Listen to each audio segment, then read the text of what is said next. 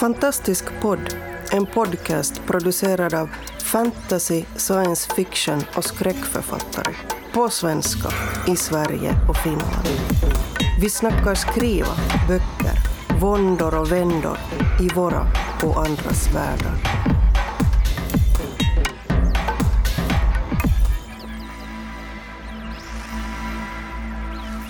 Hej och välkomna till Fantastisk podd. Det här är Grupp Skåne som pratar. Eh, Jag heter Charlotte Cederlund. Och jag heter Emma Andersson.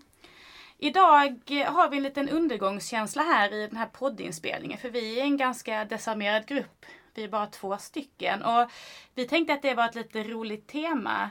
Undergång. Det är ju nämligen val snart. Eh, om bara några dagar faktiskt när det här avsnittet släpps. Och val kan ju också få en att tänka lite på undergång, eller hur Emma? Jo, det har ju varit lite opinionsundersökningar och liknande som har fått en att få lite undergångskänslor. Eller vad säger du Charlotte? Jag håller definitivt med. Och kanske att vi då kan lära oss lite om undergång från litteraturen, eller vad tror du? Undergången är ju ett ganska vanligt förekommande eh, tema. I alla fall fantastiklitteraturen skulle jag säga. Verkligen. Mycket undergång eh, och väldigt dramatisk undergång ofta. Ja, jag har till exempel sett eh, The Rain den här sommaren eh, som kom i maj. Eh, dansk Netflix-serie. Eh, och när det ösregnade igår, som det gjorde för mig då eftersom att vi spelar in lite tidigare, eh, så fick man verkligen den här känslan att shit, hur ska jag hålla mig borta från regnet om det var så att det var dödligt virus i regnet. Just det, för det är det som händer i den serien. Det är ingen spoiler för det händer i första avsnittet. Regnet är undergången kan man säga. Ja, faktiskt. Det där är egentligen lite så intressant. Vad, vad är det, vad är det som blir vår undergång?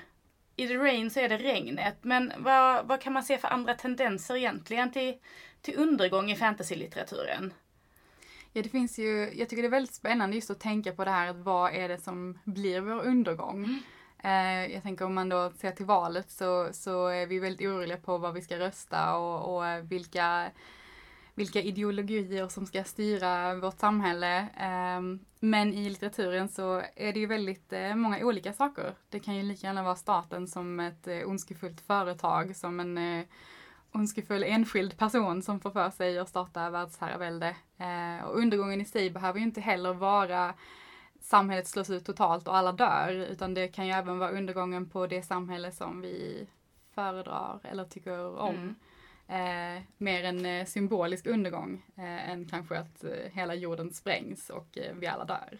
Ja, och jag skulle nästan säga att den här andra un- undergången ändå är läskigare. För om jorden sprängs och alla dör, då, då är det ingen som behöver riktigt lida av det i efterhand. Det är egentligen mycket värre när, när det händer så här långsamt och man måste se det och vara med om det och se människor lida. Och kanske lida själv.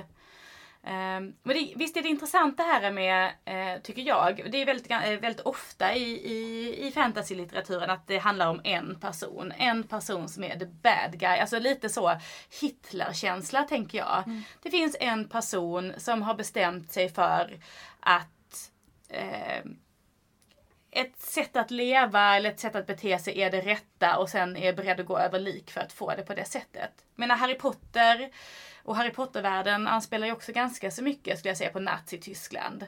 det skulle jag absolut Eh, säga. Och man har, man har Voldemort är the bad guy och eh, han vill eh, rensa ut alla som inte är då ja, äkta trollkarlar och egentligen alla mugglare också kanske. Ehm, och det är ju något som finns i väldigt många andra alltså fantastikböcker också. Just det här med, med superskurken är ju kanske Mm. framförallt eh, vanligt förekommande i, alltså jag skulle säga nu med alla superhjältefilmer och sånt. Det är ju verkligen klassiskt också att det är ju alltid en superskurk. Sen så har den alltid en massa namnlösa anhängare som man inte får veta så mycket om. Mm. Eh, mer liksom en klump som ofta har eh, matchande liksom, små eh, outfits och sådär så att man ser att de hör till skurken men man får inte veta så mycket mer om dem än så. Eh, men det är ju, ja det är ju ofta väldigt, det är en väldigt enkel grej tänker jag så här, att ha en, en, en person som representerar eh, ondskan på något sätt. Ja. Eh, och som också alltid till synes har makten att förgöra allt men, men jag aldrig eh, lyckas. Nej, det är ju tur det. Det är det fina med fiktionen. Liksom. Man, kan, man kan få dem att misslyckas där på slutet om man vill. det verkar alltid hopplöst men eh, sen är det inte det. Jag tycker också det är lite så intressant det här, eh, alltså om man då tittar på motsatsen då, eh, den här Divergent-serien som är skriven av, är det Ver- Veronica, Veronica Roth? ja, ja. Eh, där vi då har en framtidsvärld där vi har haft väldigt mycket krig. Och där man då börjar tänka, hur ska vi, hur ska vi förhindra de här krigen? Hur ska vi förhindra att, att vi dödar varandra på det här sättet? Och man kommer då på att om man börjar ändra folks DNA, alltså man tar bort delar ur DNA som kanske äregirighet, våldsamhet och så här. Och så tänker man att ja, men om, om eh, människor inte har de här personlighetsdragen så kommer vi ju inte kriga. Och istället så blir ju då skit. Nu är det här ju väl lite spoilervarning kanske då, men Nu har de varit ute länge så det, precis. man får skylla sig själv. Men istället blir det skit. Det funkar verkligen inte alls att ändra människors DNA på det sättet. Det blir, det blir sämre. Eh, människorna blir svagare kan man säga. Och istället handlar ju den boken om att, eh, eller den serien om att man gör experiment på människor. Eh, där man isolerar dem. De lever liksom väldigt isolerade. Och så är målet att man ska hitta människor som har den här, alltså grund-DNA, det som vi har. Alltså det som inte är Ja, förändrat. mä- människan innan genmodifieringen Mm. helt enkelt. Och det är ju väldigt spännande. Då har man verkligen, då har man dratt det hela varvet. Det är ju ett exempel på också en väldigt va- vanligt förekommande undergångsgrej. Just det här när, när forskare börjar mixtra eh, med någonting, människan eller artificiell intelligens eller robotar eller det, det, det är ju en, en så här arketyp också för, för en, en person som åstadkommer undergången. Det är ju verkligen forskarna eh, och vad de mixtrar med i sina labb som vi inte vet om förrän det är för sent. Ja, Eh, det, det är en väldigt klassiskt eh, förekommande. Eh, och det, det, det är på något sätt alltid eh, lite sådär Frankensteins känsla att de tror att de leker gud och har hittat den briljanta lösningen och så skiter sig allt. Ja så forskare i fiktionen är ju sällan särskilt trevliga. Det är inte jättemycket etik och moral. Nej, vä- väldigt lite. De, de verkar köra sitt eget race helt oövervakade känns det som ofta. Eller hur? Men jag tänkte också på eh, en annan sak som också är vanligt i fiktionen och som jag tänker kommer komma ännu mer nu efter den här sommaren. Den här jättevarma sommaren som jag har gjort att eh, så här miljöfrågan och då världens undergång verkligen har kommit upp på tapeten. Eh, och vi har ju sett jättemånga amerikanska undergångsfilmer tidigare. Eh, då ofta kanske kometer eller eh, vad det nu är, jättevågor. Superstormar, ja precis. Ja. Eh, Eller eh, vad är det? Det är is och snö va, i The Day Ja. After Tomorrow. Ja. Mm. Eh, Precis. Ny istid och jag läser faktiskt just nu en, en ungdomsroman eh, som heter Hotet. Det är i första boken i en serie som heter Ättlingarna som är skriven av Mats Söderlund som ju egentligen är, eller egentligen som också är poet. Och den, eh, det är också en dystopi, framtidsroman.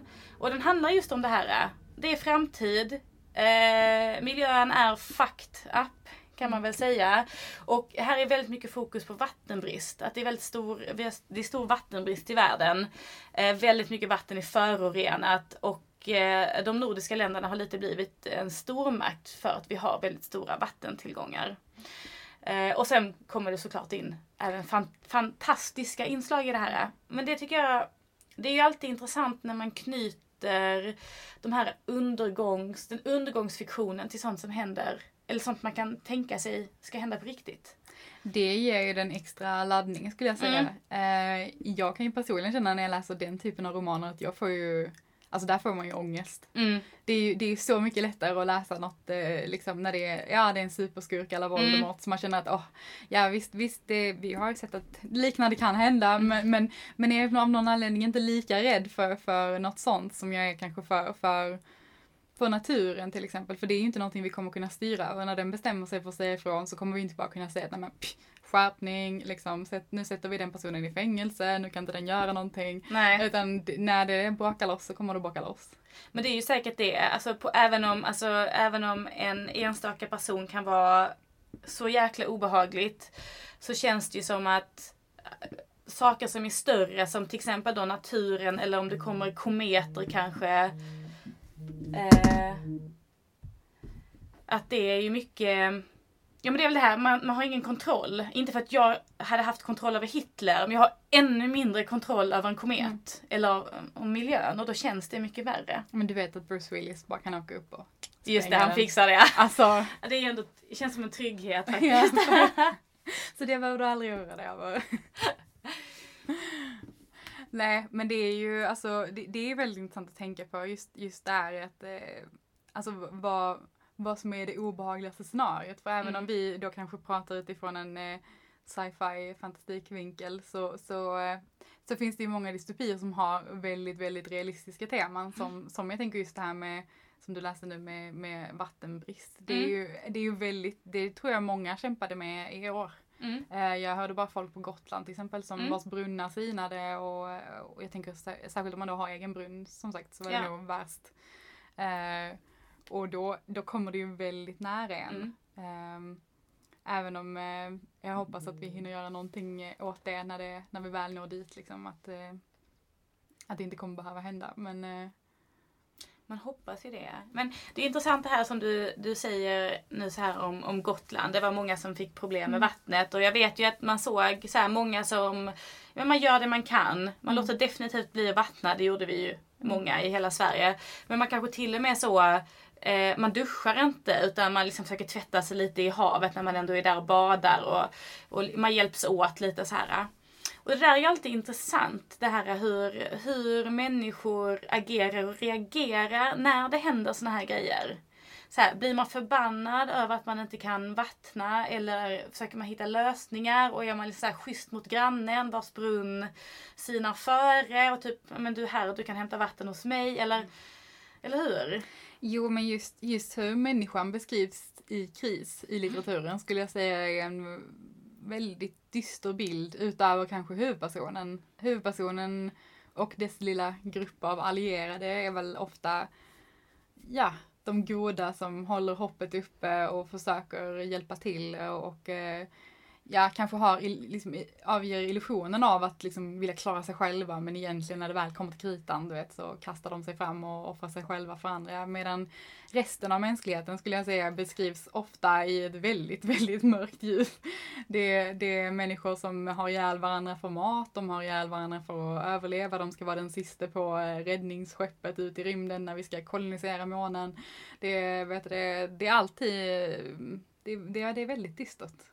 Det är det. Det är det som sagt också i den här, de här böckerna jag läser nu, Mm. den här boken jag läser. För där är alltså det är, det är jättestor vattenbrist.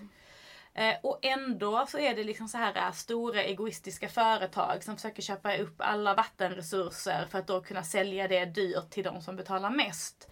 Och då blir man ju verkligen så, det är nästan det, är nästan det jag tycker är obehagligast. Det här att, att, alltså det är klart att det är jätteläskigt när det händer hemska saker. Men det är nästan ännu läskigare att läsa om folk som fortsätter eh, bete sig som assholes fast det händer hemska saker. Jo men verkligen. Och, och det är precis som du säger, det, det är nästan det också som skriver mig mest också. Mm. Alltså just det här hur, hur kommer människan att reagera när det verkligen gäller? Mm. Eh, och det är ju verkligen någonting som, som inte bara fantastiklitteraturen undersöker men även många andra, alltså i litteraturen över, överhuvudtaget så är det ju ett återkommande tema kanske var och det är väl lite det också som vi författare tycker om att göra, att Mm. ställa, ställa karaktärer inför omöjliga situationer och Mm. se hur de reagerar. Eh, det är väl lite vår eh, så sadistiska i. Ehm, men, eh, men det är ju väldigt spännande. Mm. Och, eh, och jag tycker att det kommer ju mer och mer också kanske då de huvudpersonerna som inte alltid är de mest ädla. Det kommer ju kanske mer och mer.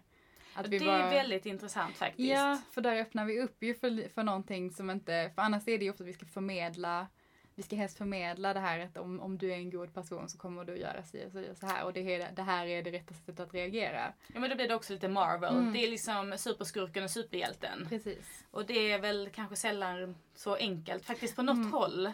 Precis. Jag tror eh, att eh, verkligheten är att vi kanske inte trampar ner varandra men vi hade kanske inte försökt rädda någon annan heller. Ja. Eh, det, ju, det kan ju vara väldigt spännande att tänka på. Men jag tycker också, jag, jag hoppas ju att mitt nästa romanprojekt ska bli en dystopi. Och då vill jag, jag vill verkligen undersöka det här äh, att eh, alltså så här, se på båda sidor. Om vi säger att vi har en god sida och en ond sida som vi ju gärna har i Mm. den här typen av litteratur. Men undersöka det, alltså verkligen gå in lite mer på djupet. Alltså inte bara varför är den onda personen ond? För det kanske ändå brukar framgå. Vi vet varför. Alltså vi har fått se Voldemorts bakgrund. Vi förstår ändå lite varför. Men gå ännu mer in på djupet, på tankarna. På liksom, vad är det som blir de verkliga drivkrafterna verkligen inombords? Eh, och, och hur liksom rättfärdigar man, man det man gör som inte är bara så enkelt att ja, men jag var med om skit när jag var liten. För jag tror också att det är inte heller alltid riktigt så enkelt. Jag tror att det är liksom en snöbollseffekt hela tiden. Där skit händer som blir större och större och större och sen till slut så hamnar man på en plats där, där man helt enkelt resonerar på helt andra sätt än man hade gjort annars. Eh, så det hoppas jag. Jag verkligen går, jag gillar det här. Jag gillar att gå in och verkligen grotta i eh, hur folk tänker och hur de motiverar saker. Och, och att det definitivt inte är svart och vitt utan det är väldigt många olika gråskalor. Så det hoppas jag på, att det blir nästa projekt. Det låter jättespännande. Mm. Det, ja, men just, just undergången och, och människorna runt omkring den är ju, är ju väldigt spännande.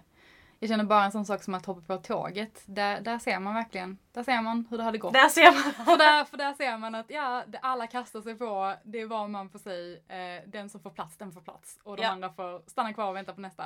Eh, och det är när man ser sådana saker som man känner, hopp om mänskligheten. Och lämnar man tanten med rullatorn kvar på perrongen då, ja, synd du var inte snabb nog. Nej, så är det. Hade du rullator får du skylla dig själv. Så är det. Fast jag måste, jag måste tala lite till försvar eftersom jag nu, jag är ju föräldraledig, springer runt med barnvagn.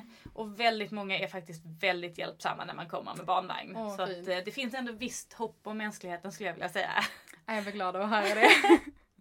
Men du, Eh, skriver du något på undergångstema eller liksom? Jag har ju en outgiven roman eh, som, eh, som väl också är, är på just undergångstema. Mm. Eh, där jag skulle säga att eh, det är väl liksom inför undergången, alltså undergången mm. är på väg att ske.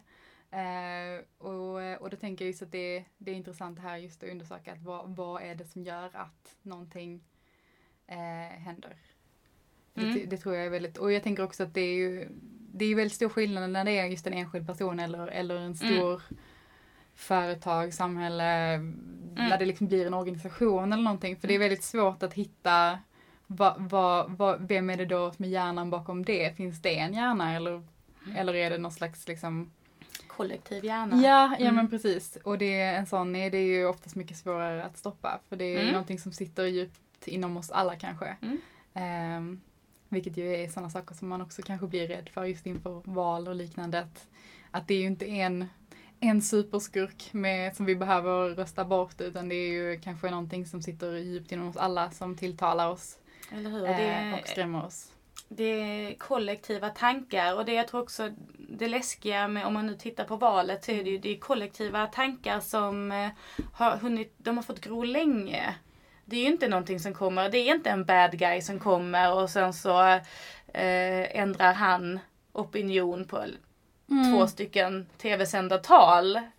Som det kanske lätt, kanske förenklat kan bli i, i, liksom i litteraturen eller kanske mm. ännu mer framförallt i, i, om man tittar på filmer. Att ja, det är väldigt lätt ja. att vända, vända folk. Utan, utan um, det är ju det här, det här, det här långsamma, det växer, det växer sig starkare. Uh, och det är ju, jag kan ibland tycka liksom lite så om man tittar på världen idag och, och på Sverige att, att det känns nästan lite fiktivt ibland det här att det finns liksom så här ryska bottar som eh, hjälper till att sprida fake news och det finns en president i, i liksom världens största stormakt som eh, beter sig som någon slags väldigt läskig clown i It. Nej men alltså lite så. Mm. Det hade hade någon skrivit den här boken så hade vi nog alla tyckt att den var ganska spännande. Jo absolut, det, det är lite min tröst ibland faktiskt. Att mm. jag försöker tänka mig allting som en, som en roman som, vi, som man bara kan lägga ifrån sig och slå ihop och eh, vakna upp till, till, till livet som är mycket, mycket bättre. eh, men eh, ja, ibland så är det inte så.